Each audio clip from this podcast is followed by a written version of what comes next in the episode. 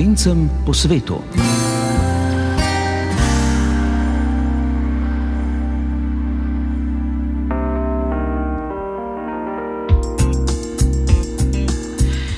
Lepo pozdravljeni v prvi letošnji oddaji.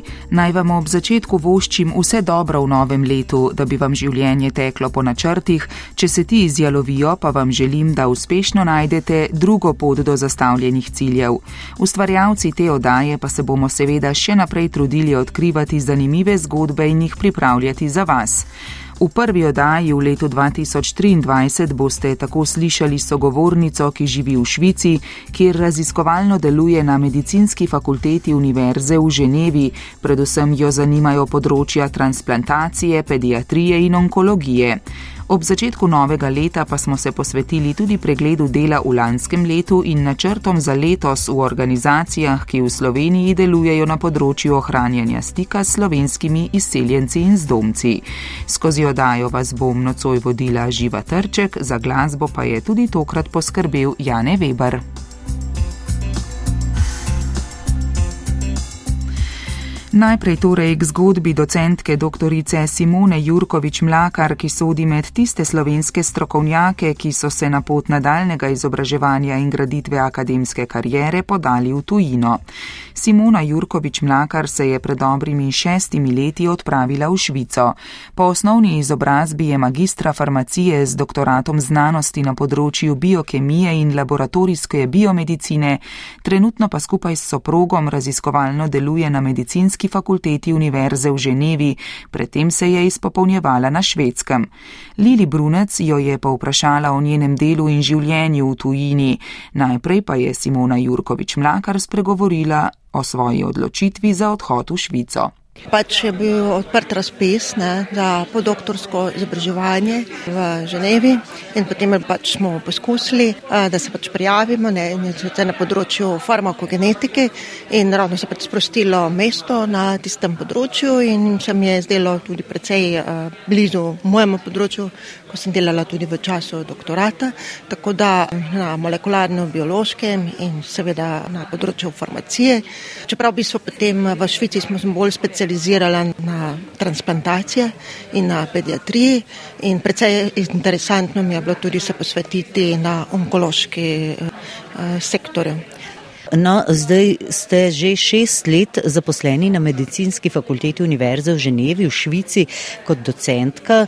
Tudi Če bi vas takole vprašala, kako izgleda vaš delovni dan na medicinski fakulteti v Ženevi?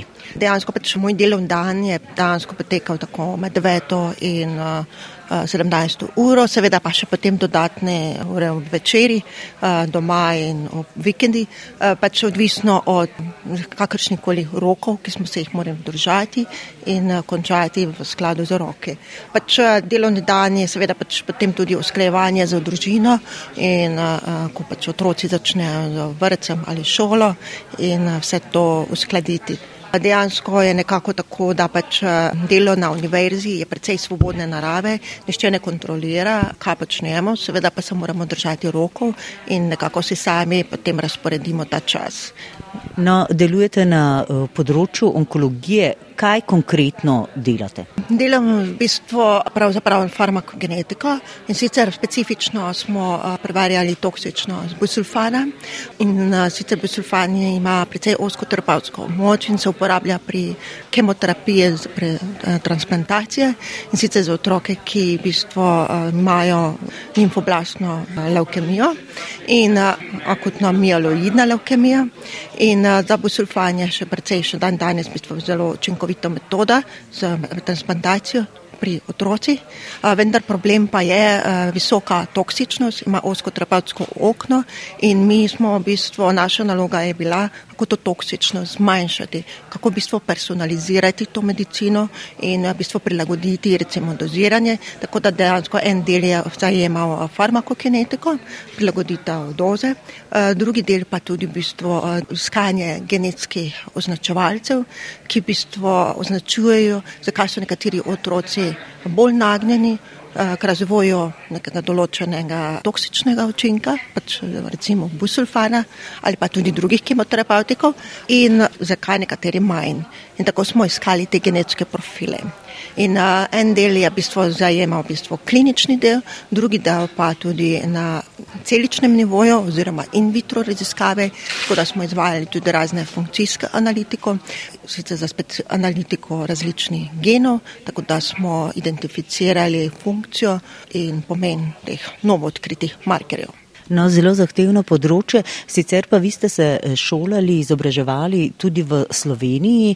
Zdaj ste že šest let eh, v tujini. Kako pa gledate na razvoj tega vašega področja eh, v Sloveniji? Kakšen je vaš pogled kot eh, znanstvenice iz tujine na dogajanje na tem področju v Sloveniji? Sodelujete kaj morda na institucionalni ravni s Slovenijo? Eh, zdaj, trenutno bistvo, eh, nažalost, pač moram priznati, da dejansko pač to področje, s katerim se ukvarjamo na medicinski fakulteti v Ženevi, je precej specifične naravi in uh, ni toliko zajeto v Sloveniji. Ne. Torej, uporaba busulfana in transplantacije, tako da v bistvu naše raziskave so res multicentrične in sodelujejo vse države medtem ko Slovenija pa razmeroma malo primerov na tem področju.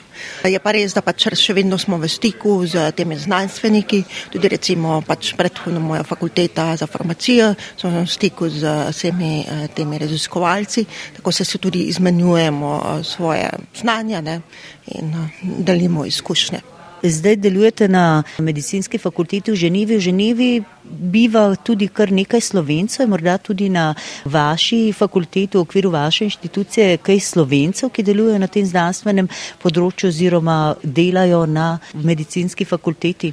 Ja, trenutno pač tudi bistvo še deluje tudi nekaj slovencev in sicer na področju na farmaciji na farmacevtski fakulteti, potem tudi na mikrobiologiji, tudi, tako da je nekaj slovencev. Pa imate kakšne stike z njimi, se kaj podružite morda? Ja, tudi imamo potem srečanja slovencev v Švici, tako da imamo tudi redna mitinge skozi leto, tako da tudi kakšen piknik organiziramo, pa si tudi delimo kakšne informacije, da si pomagamo tudi drug drugemu, seveda.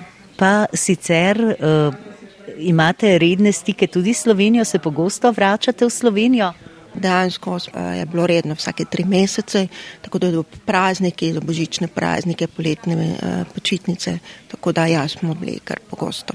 Vi ste se izobraževali tudi drugot po svetu, ste imeli kar eh, veliko stikov, ne tudi z drugimi eh, državami. Ja, nekaj časa sem tudi delovala na švedskem, torej na univerzi v Lundu. Tam sem bila tudi vključena v evropski projekt in ker smo imeli tudi te epigenetske študije in sicer pri nosečnicah in vpliv na razvoj otroka, pri nosečnicah, kako toksične kovine vplivajo na njih in sicer na molekularnem, biološkem nivoju. In dejansko tam so tudi spoznala z različnimi, in seveda švedska dljene, nekoliko težje biti v stiku z Slovenijo, ampak še vedno bilo mogoče. No, morda, če vas za konec, če takole vprašam, vidite svoje delovanje morda tudi v Sloveniji? Ja, vsekakor je. Ja. Tako da dejansko poskušam deliti, predati za svoje znanje naprej, tudi na drugih področjih, tako dejansko pač to vse predstavlja moje velike izkušnje, ki sem jih pridobila v tujini, nekako to tudi deliti tukaj tu v Sloveniji. Le še enkrat mi zapomni. Pisani ptič o svoji dragi.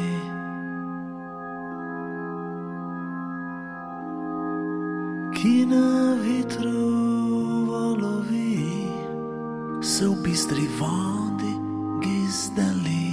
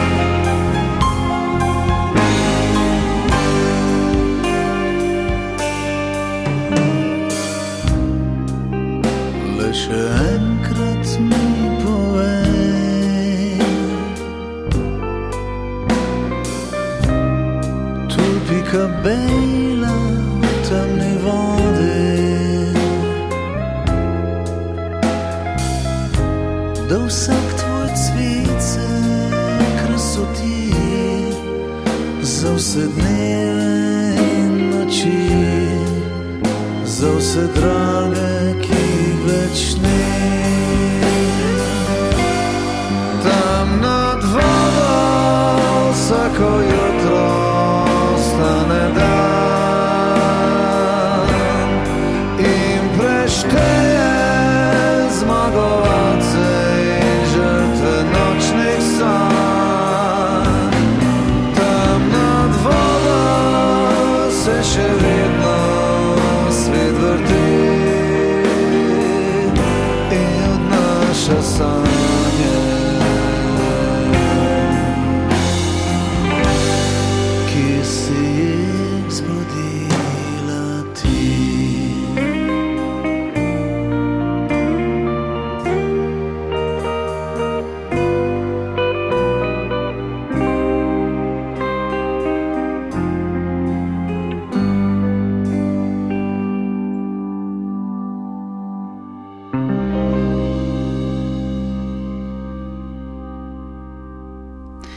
Od slovenskih strokovnjakov, ki živijo na tujem, pa se zdaj selimo k organizacijam, ki v domovini skrbijo za ohranjanje stikov z rojaki zunaj Slovenije.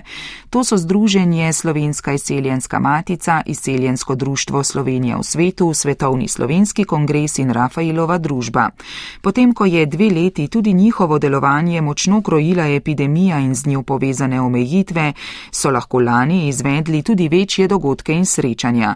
Najbolj množična lanska prireditev je bilo tradicionalno srečanje Dobrodošli doma, ki so ga pripravili v začetku julija v Novem mestu. Več o tem srečanju nekoliko pozneje, najprej pa se posvetimo lani uresničenim ciljem ter načrtom za letošnje leto, ki jih imajo v Združenju Slovenska izseljenska matica. Ta že več kot 70 let deluje kot organizacija za uveljavljanje skupnih interesov pri razvijanju, širjenju, utrjevanju in poglabljanju stikov med Slovenci po svetu in v domovini.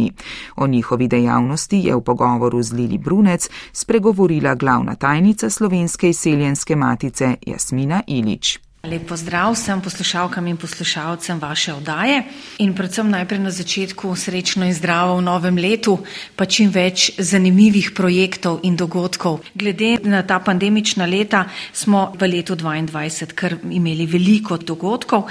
Naše neke stalnice je bila rodna gruda eh, s tem, da v letu 2022 smo imeli eno pač krajšo pauzo, zato ker delamo na prenovah spletnih strani in se je to vse skupaj malce zavleklo, če rečem po domače, ampak eh, je tudi ta del naloge opravljen. Posvetili smo se predvsem digitalizaciji in urejanju arhivskega gradiva, kajti to je bila nekako in je še vedno obveznost, ki jo moramo narediti, se je na izseljenski matici zelo veliko arhiva, ki ga ima samo matica, ne, ker je pač v preteklosti bila edina organizacija, ki se je ukvarjala z izseljenjem priseljenci. Smo naredili program za digitalizacijo, najprej se lotevamo seveda fotoarhiva, potem pa tudi vseh ostalih dokumentarnih gradiv. Seveda je bila tukaj poletna šola, ki je po dveletnem premoru ponovno zaživela v Murski soboti, likovna kolonija na mostu na Soči, tudi razstava je potem potovala iz mosta na Soči v Ljubljano, tukaj na, v naših prostorih smo imeli postavljeno, sedaj trenutno pa je na uradu za slovence v zamestvu in po svetu. Kar se tiče knjižnih izdaj, smo tiskali knjigo spominov Emila Okretiča, moje življenjske poti, našega izseljenca iz Argentine, danes iz Španije, ki je napisal zelo zanimivo knjigo. Mogoče podatek, da je on vse te zgodbice, ki smo jih objavili, njih 66, najprej objavljal na Facebooku, pisal pa jih je direktno v telefon. Tako da je to ena taka zanimiva knjiga. Predstavili smo jo pred polno dvorano Kostanjevici na Krasu, odkudar je gospod Okretič tudi doma in odkudar je tudi odšel v svet. Skupaj s Slovenskim kulturnim društvom Lipa iz Zadra smo prevedli, izdali knjigo v objemu modrine, poezija Marije Ivoš, tako da upamo, da jo bomo v letu 2023 predstavili tudi v Ljubljani. Keramično delavnico smo iz Ljubljane preselili v letu 2022 v Pulj zaradi pač organizacijskih malce težav, bom rekla, lažje nam je bilo tako, tako da smo šli kar na teren. Delavnica je bila uspešno izpeljana na zadovoljstvo vseh. V Buenos Airesu smo postavili razstavo od pisem do Facebooka Nadje Molek in dr. Mihe Zobca. V poletnih mesecih smo imeli tudi dve zanimivi predstavitvi knjig in sicer predstavili smo en mladinski roman dveh mladih slovenk, iz eh, Nemčije z naslovom Bližina daljine in sicer predstavili sta se Leticija Hormut in pa Jana Brus. Knjiga pa je nastala pod mentorstvom učiteljice Mire Delavec Tovhami, tako da je bila to ena taka zelo prijetna, prijetno druženje, prijetna predstavitev v mesecu juniju na Matici. Eh, potem smo imeli pa ravno tako predstavitev prevoda knjige Mire Delavec Tovham in sicer svobodoljubna slovenka.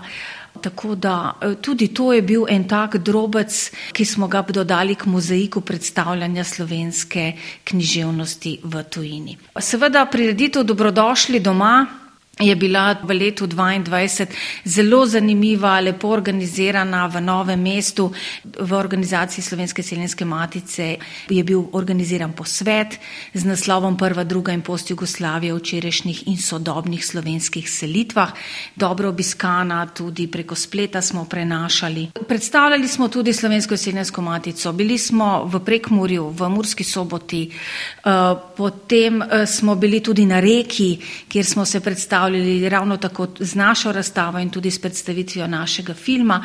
Leto pa smo zaključili s predstavitvijo doktorske dizertacije naše članice, tudi članice izvršnega odbora, doktorice Nadje Molek, ki je tudi na ogledu na spletu, na naši Facebook strani.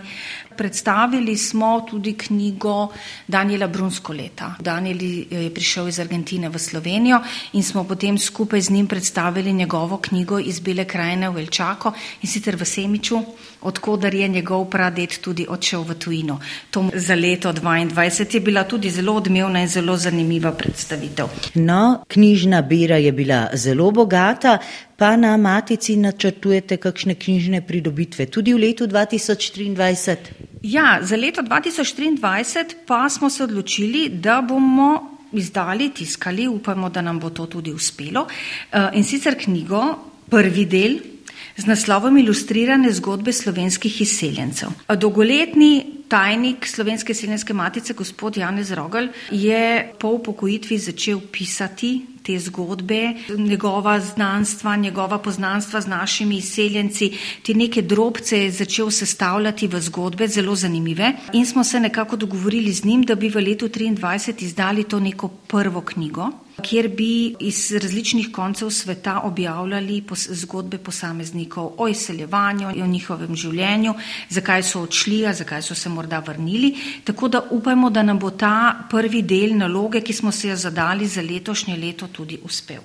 Torej, to je en od večjih projektov. Želimo pa tiskati tudi notno zbirko gospoda Matije Gobca pred skoraj 30 leti smo tiskali prvo njegovo notno zbirko, zdaj bi radi drugo in sicer z naslovom Slovenka sem in Škarjanček poje, notne zapise za ženske in pa mladinske pevske zbore, ki jih bomo potem tudi pošiljali slovenskim društvom, kjerkoli pač te naši pevski zbori tudi delujejo. Tako da to sta ene dve nekako glavni. Glede tiska bi pa radi še skupaj z Inštitutom za slovensko izseljenstvo in migracije tiskali to znanstveno publikacijo publikacijo na temo posveta, ki smo ga imeli v letu 2022 v Novem mestu. No, tako da se tudi v pravkar začetem letu 2023 obeta na slovenski silenski matici kar veliko knjižnih eh, novosti, knjižnih pridobitev. Kakšni projekti in delovne naloge pa so pred slovensko izseljensko matico sicer v novem letu 2023? Predvsem smo si zadali, tako kot ste že omenila, te knjižne izdaje, ker se nam zdi zelo pomembno, da ohranjamo to pisano, tiskano slovensko besedo, ki nastaja tudi v tujini. Poleg nekih stalnih projektov, ki jih imamo že skozi vsa leta, kot sem omenila, zelo pomembna digitalizacija, s katero gremo naprej. Potem pa letos bomo objavili tudi natečaj za mlade za uh, otroke, stare tam nekje do 15-16 let, z naslovom Znane, neznane slovenke in slovenci po svetu. To bo natečaj, kjer bodo mladi posneli s svojimi mobiteli, kajti dan danes jih imamo skoraj vsi, kratke zgodbice o rojakih, ki živijo v tujini, za katere pa morda mi nismo nikoli slišali. So pa pustili pečat s svojim delom, svojim delovanjem v kraju, kjer so živeli. In potem bi te zgodbe zbrali, jih obdelali. In bi potem predstavili tudi posnetke na televiziji, po spletu, tako da bi se mladi predstavili skozi ta nek video natečaj, da tako rečem. Kot eno novost bi lahko menila, da smo skupaj z društvom eh, Urbani tekači iz Ljubljane prijavili tudi en eh, projekt lahkih nog radovedni na okrog tabor za slovence. Tukaj pa se nismo omejili samo na otroke oziroma smo se omejili na mlade, na starejše, vsi tiste, ki radi hodijo, se potepajo po Sloveniji, da bi naredili štiridnevni tabor spoznavanje Slovenije, spoznavanje zdrave hrane, naše kulture v določenem kraju, orientirali se bomo nekako na primorski del, kraški del, ker bomo imeli letos tudi v Vipavi dobrodošli doma, tako da bi se potem zaključek tudi tega našega tabora sovpadal z prireditvijo dobrodošli doma in s pohodom na nanos. Tako da tudi to si želimo izpeljati, upajmo, da nam bo tokrat ratalo. No, zelo smeli projekti, sicer pa uh, Slovenska izseljenska matica zelo dobro uh, sodeluje in tudi obiskuje naše rojake v tujini. Tudi kar nekaj obiskov naših slovencev po svetu imate na matici, kako pa bo ta izmenjava potekala v letu 2023? Ja, imamo nekako dva projekta dogovorjena z našimi izseljenci in sicer enega z Jojem Valenčičem ki bi prišel eh, oziroma načrtuje svoj prihod ponovno v Slovenijo jeseni letos, kjer bomo organizirali kar nekaj predavanj na temo Slovenci v Ameriki. Potem smo se pa dogovorili z Julijo Saraču iz Argentine. Letos bi radi prevedli njeno pesniško zbirko z naslovom Priklenjeni Prometej. Tako da iz vseh teh nekih tudi kratkih obiskov, ko pridejo naši seljenci k nam, se vedno rodijo nekateri projekti, želje po sodelovanju. Tako da to sta dva konkretna in pa seveda eh, letos bomo imeli tudi fotografsko razstavo Oskarja Moleka z naslovom Mikrokozmos, kjer bo skozi 22 parov fotografij predstavil Ljubljano in Buenos Aires. Tako da to bo tudi v Vipavi, v Ljubljani bo ta razstava postavljena. Skoraj raje si, ti gorinska, sive gore in zelene reke. Tu življenje skriva svoj zaklad, stara si kot sonce, mlajša kot pomlad, siva pot, vodi me kamor hoče srce, na gorensko, kjer gore so, vodi me siva pot. Ne spomini, še živijo. Stara, stara, trda neizprosna Rdeča roža v tvojih je lasih. Nežna mesečina, solze v očih Siva pot, vodi me, kamor hoče srce. Na Gorensko, kjer gore so Vodi me, vstaja jutro, slišim klice iz daljave. Radio spominja me na dom tam nekje. In ko se vozim po betonskih magistralah Mislim na tele, na tele. Siva pot, vodi me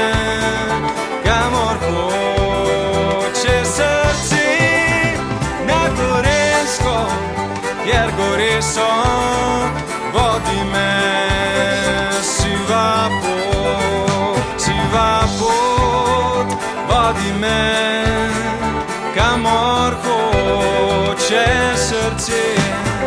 Na Gorensko, kjer gore so Vodi me siva pot Vodi me siva pot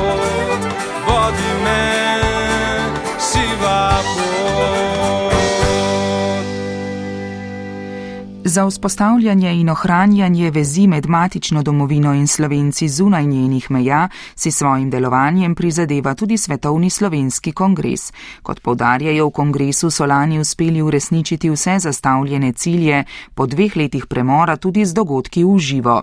Tudi za letos so glavnino načrtov že zarisali, vsi že uveljavljeni dogodki in srečanja ostajajo, le še podrobnosti je treba doreči. Med drugim načrtujejo konferenco zdravnikov ter konferenco konferenco mladih raziskovalcev in študentov iz sveta in Slovenije. O letošnjih ciljih Svetovnega slovenskega kongresa sem se pogovarjala z njegovo generalno sekretarko Sonjo Augustin Čampa, ki je najprej potegnila črto pod lansko leto. Ja, moram reči, da v lanskem letu nam je uspelo izvesti vse začrtane projekte, čeprav smo s temi dogodki v živo lahko začeli tam šele junija, ne, ker v prvem delu leta je bilo še vse mrtvo, bolj kot ne, zaradi uh, pandemije. Uh, smo pa potem uh, bili bolj aktivni in uh, smo uspeli vse realizirati, kar smo si zadali.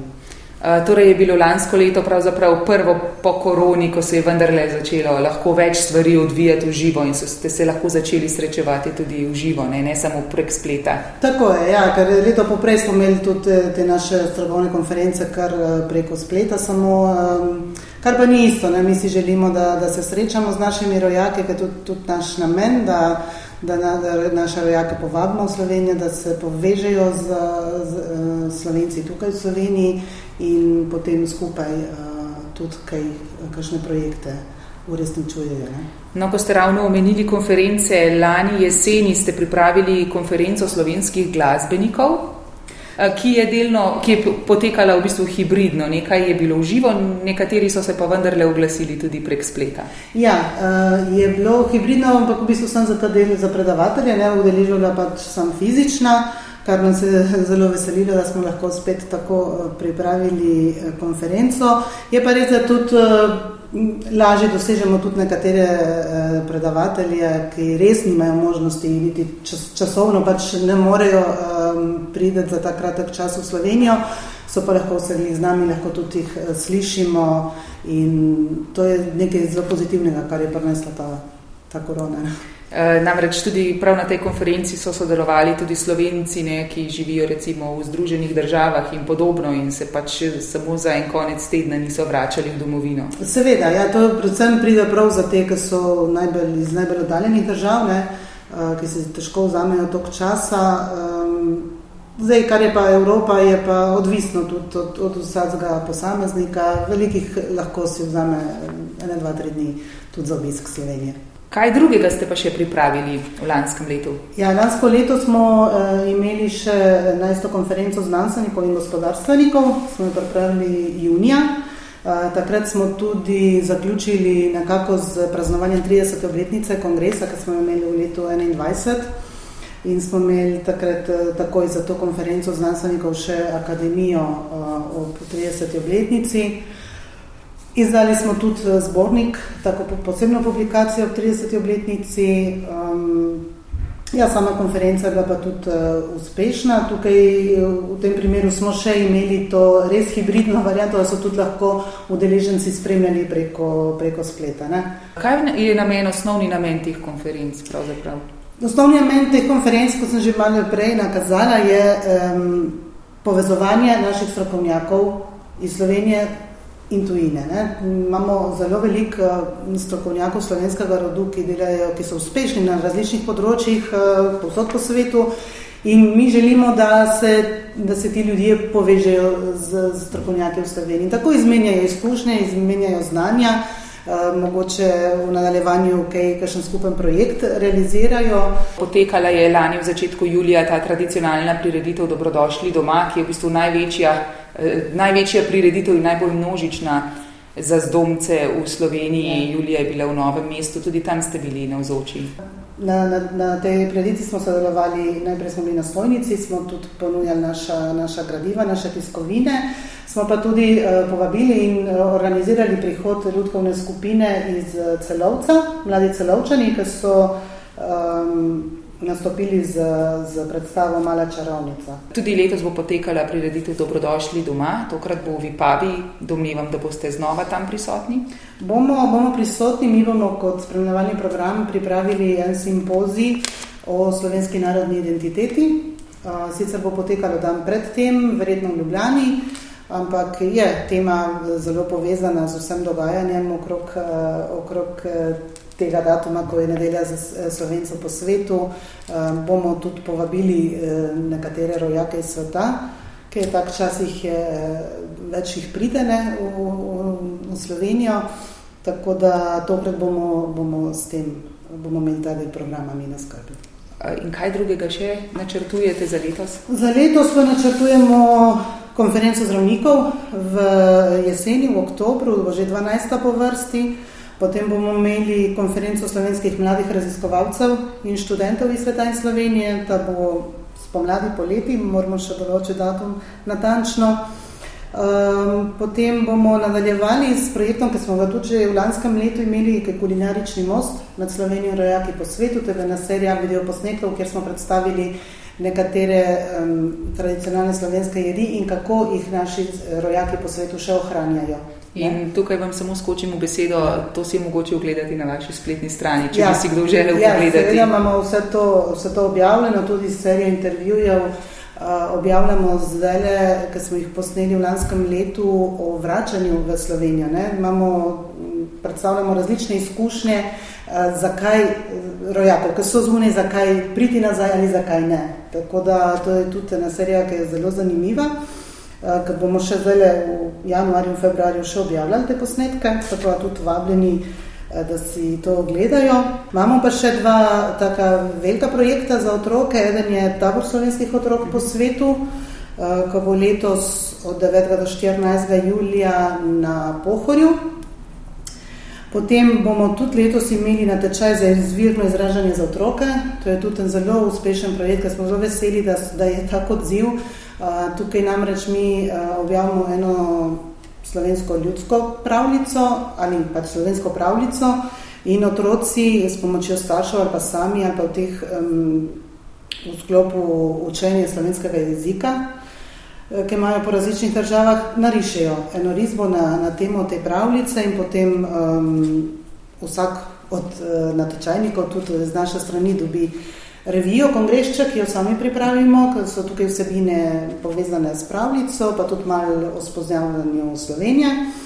Um, potem pa najboljše risbe iz vsake kategorije, starostne, imamo štiri starostne kategorije, pa tudi dodatno nagradimo. Letos smo imeli res izjemen odziv, bilo okrog 260, se pravi lansko leto, 260 uh, otrok iz 14 različnih držav. In uh, ustvarjali so na temo kralji, na pravljico kralji njegovi 30 Tako je, ja, to je bila lanska pravljica, letos bomo pa še ga bomo še objavili pravočasno in ta, ta natečaj bo potekal potem poleti in jeseni bo rok za odajo. Imamo pa tudi v mislih, ja, bi, bi si želeli ponovno malo bolj obuditi galerijsko dejavnost, ker smo kaž leta nazaj bila zelo močna, zdaj malo manj, ampak imamo tudi en tak projekt v načrtu za letošnje leto. Ako ste ravno galerijsko dejavnost omenili, še do konca januarja je pri vas na ogled slikarska razstava.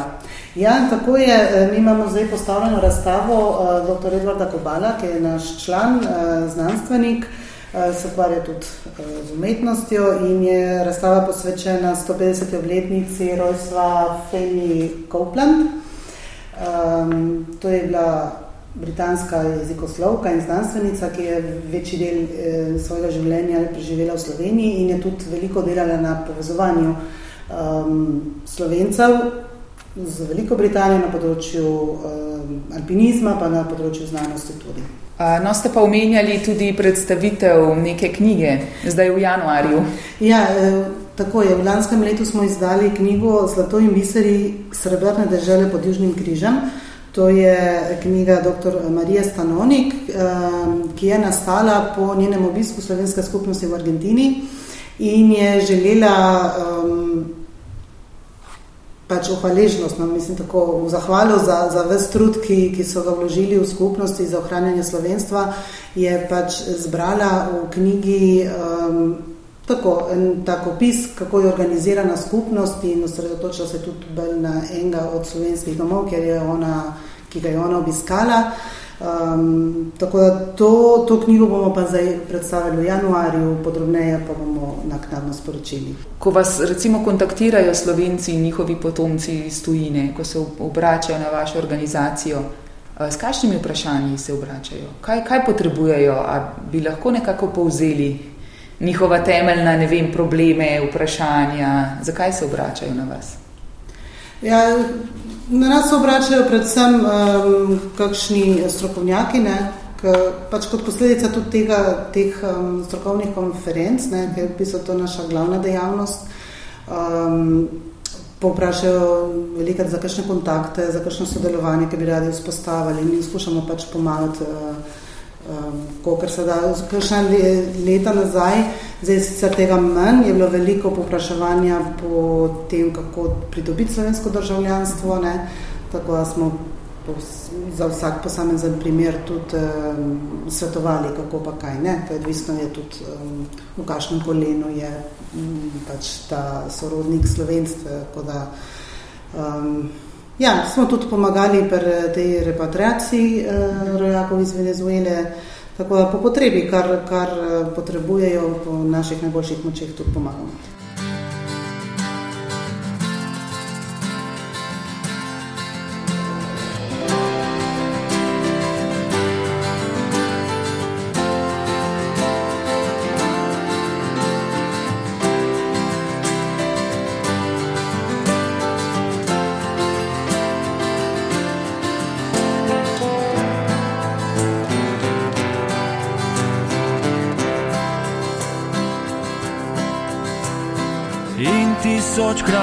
Premakne, večje od mene nad mano sedi.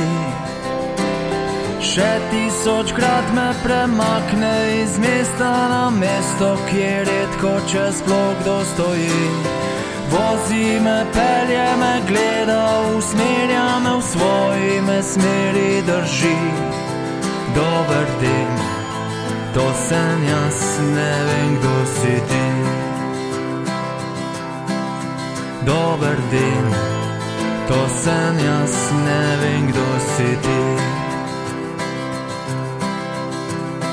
In tisočkrat me prime za vrat, ko ravno težje lovi.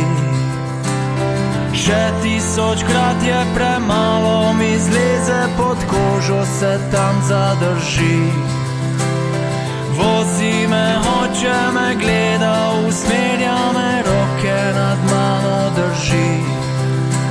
Dan, to sem jaz, ne vem, kdo si ti. Dober dan, to sem jaz, ne vem,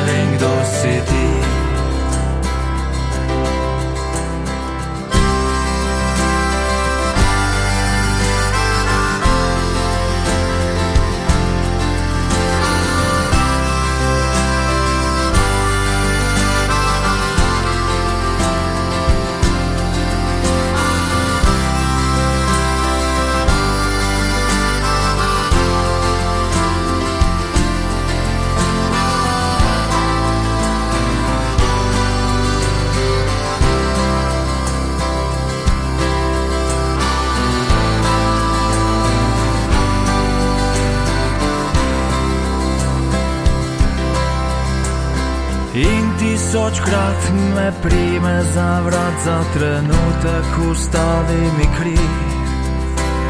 Še tisočkrat je premalo, mi zleze pod kožo, se tam zadrži.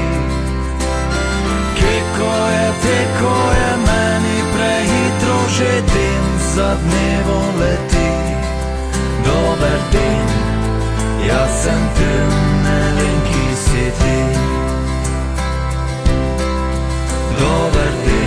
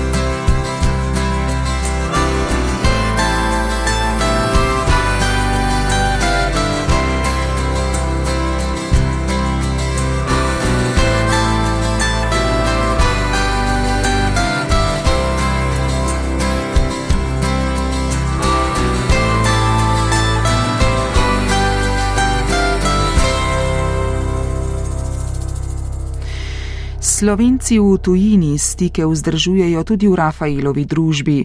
Ta je bila zadolžena tudi za organizacijo že omenjene tradicionalne in zelo množične prireditve za Slovence na tujem Dobrodošli doma Julija Lani v Novem mestu. O tem in tudi o letošnjih načrtih sem se pogovarjala z Ana Marijo Rajk iz Rafaelove družbe. Za uvod v pogovor je moja sogovornica najprej ocenila lansko dogajanje. Ja, um, preteklo leto je bilo pri nas na Rafaelovi družbi zelo bogato, uh, ker poleg rednih projektov, ki jih izvajamo vsako leto, to so zamejski, selenski večeri, višarski dnevi mladih, uh, romani treh Slovenij na višarje, um, razne razstave. Smo izvedli še dva projekta, dva večja projekta. Um, prvi je bil prireditev Dobrodošli doma, katerega glavni organizator smo bili, um, konec leta pa smo izdali še komplet štirih družabnih iger pod skupnim imenom Slovensko zamejstvo in Slovenija. Ob vsem tem izdajamo še mesečnik za slovence po svetu, naša luč, eh, zdaj že, mislim, da teče že 72 leto. Eh, pa še imamo bogat arhiv, eh, fotografski arhiv in iz tega arhiva smo oblikovali kar nekaj razstav, ki že 20 let gostujejo po Sloveniji, pa tudi v zamejstvu in po svetu in letos je ena razstava gostovala v Prikmurju. Eh, druga razstava, ki smo jo pripravili z Nukom, pa je eh, doživela otvoritev v Londonu. To pa je bila razstava? Um, rojstvo novih domovin. Eh, kako pa to, da v Londonu? Določeni ljudje so se obrnili na nas iz Londona, slišali so za naše delo, smo se malo povezali, se nekaj let dogovarjali, ampak potem pa smo se povezali še z Nukom in sodelovanje je steklo in tako je potem bila otvoritev v Londonu. Uh, omenili ste dva večja projekta, zdaj največji je bil verjetno prireditev Dobrodošli doma v novem mestu Julija. Ja, to je res. Uh, prireditev Dobrodošli doma je kar velik projekt, na njega smo se pripravljali kar, kar eno leto, lahko rečem. Moram reči, da smo zelo veseli in ponosni, da se je pravzaprav uh, kljub vročini in začetkom dopustov trg zelo lepo napolnil, bila je zelo lepo obiskana prireditev. Na odru se je zvrstilo več kot 200 nastopajočih vsega skupaj. Kot rečeno, tudi naši mikrofoni so bili tam, prireditev je bila res lepo izpeljana. So vam mogoče udeleženci in nastopajoči z vami delili kakšne vtise? Vtisi, mislim, da so bili zelo dobri, sploh z nastopajočimi, ko smo potem komunicirali po prireditvi. So vsi zelo pohvalili organizacijo. Eh, sploh dejstvo, da je vsaka skupina imela svojega vodnika, ki je skrbel za skupino. Um, od, od, od izstopa iz avtobusa, oziroma do, od prihoda avtobusa, pa vse do odhoda domov. Uh, tako da se potem niso izgubljali, da, da, res, da, da so res vse stvari tekle uh, gladko. Ti vodiči so pa bili? Ti vodiči so bili pravzaprav prostovoljci, um, ki so z veseljem uh, nam priskočili na pomoč. dva sta bila celo iz novega mesta, tako da sta tudi mesto dobro poznala. Letos bo ta prireditev spet potekala, samo ne, ne bo v vaših rokah. Uh, ja, letos seveda ne bo v naših rokah, uh, si moramo malce odpočiti. Smo že v mislih uh, pri prireditvi čez štiri leta, ko nas opet čaka. Um, letos pa bojo glavni organizatorji izseljensko društvo Slovenija v svetu in uh, mislim, da bo osrednji dogodek v Vipavi. Poste pa tam seveda tudi vi na nek način. Seveda tudi mi bomo, uh, to, kar bomo imeli um, posebno stolnico, kjer uh, se bodo lahko obiskovalci pomerili v družabnih igrah, v štirih družabnih igrah, ki se nanašajo na slovensko zamestvo. Kot sem že prej omenila, smo izdali namreč komplet štirih, štirih iger uh, slovensko zamestvo in Slovenija. Kaj pa drugi načrti Rafaelove družbe za letos? Poleg projektov, ki sem jih že omenila na začetku, uh, letos pripravljamo še tematske karte s slovenskimi zemljepisnimi imeni v zamestvu.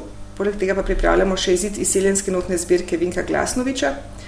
Vinko Glasnovič je bil dolga leta eh, vodja slovenskega pevskega zbora v Zagrebu, pod narodnosti je Hrvat, eh, ki pa je študiral v Ljubljani. Eh, zelo so ga navdušili slovenski pesniki in ker je bil tudi skladatelj, jih je uglasbil, tako da spomladi načrtujemo izid njegove notne zbirke. Kaj zaznavate s tistimi slovenci po svetu, s katerimi seveda imate stike, kaj si želijo, kaj pogrešajo, ali pa s čim se recimo največkrat obračajo na vas, ali so to vprašanja. Informacije iščejo o prednikih, to, do, to dosta ne nam pošljajo, pa ali bi poznali, moj stric je bil pokopan tam pa tam, ali pa ne vem. Ali pa pridejo sem in rečejo, da je leta tega pa tega odšel v Ameriko, šel v Avstralijo, šel vem, v Argentino, a imate kakšne stike. Dosti tega je mogoče. Mi imamo ogromno stika prek uh, naše revije. Ne? To je mogoče naš glavni stik, ne? ker imamo ogromno uh, ljudi, ki pošiljajo prispevke, ne, uh, ki pišejo, ki poročajo o dogajanju po Evropi.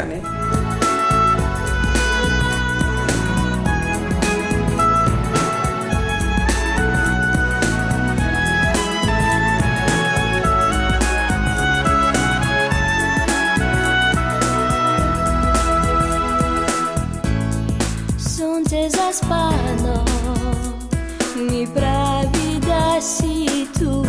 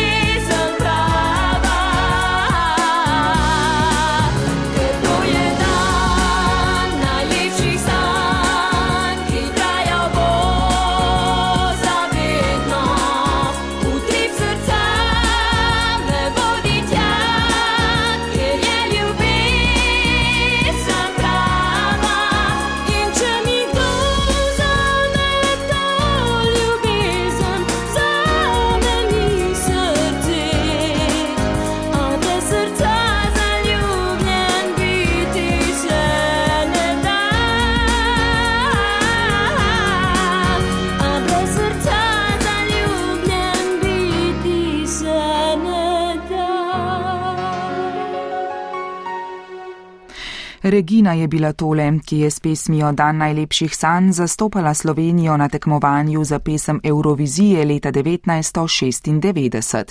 Slovence po svetu pa smo v tokratni oddaji zastopali Lili Brunec, glasbeni urednik Jane Weber, tonski mojster Vit Jenko ter Živa Trček, ki sem pripravila in vodila oddajo. To lahko najdete tudi na spletni strani prvega ter v podkastu oddaje. Pa srečno do prihodnič.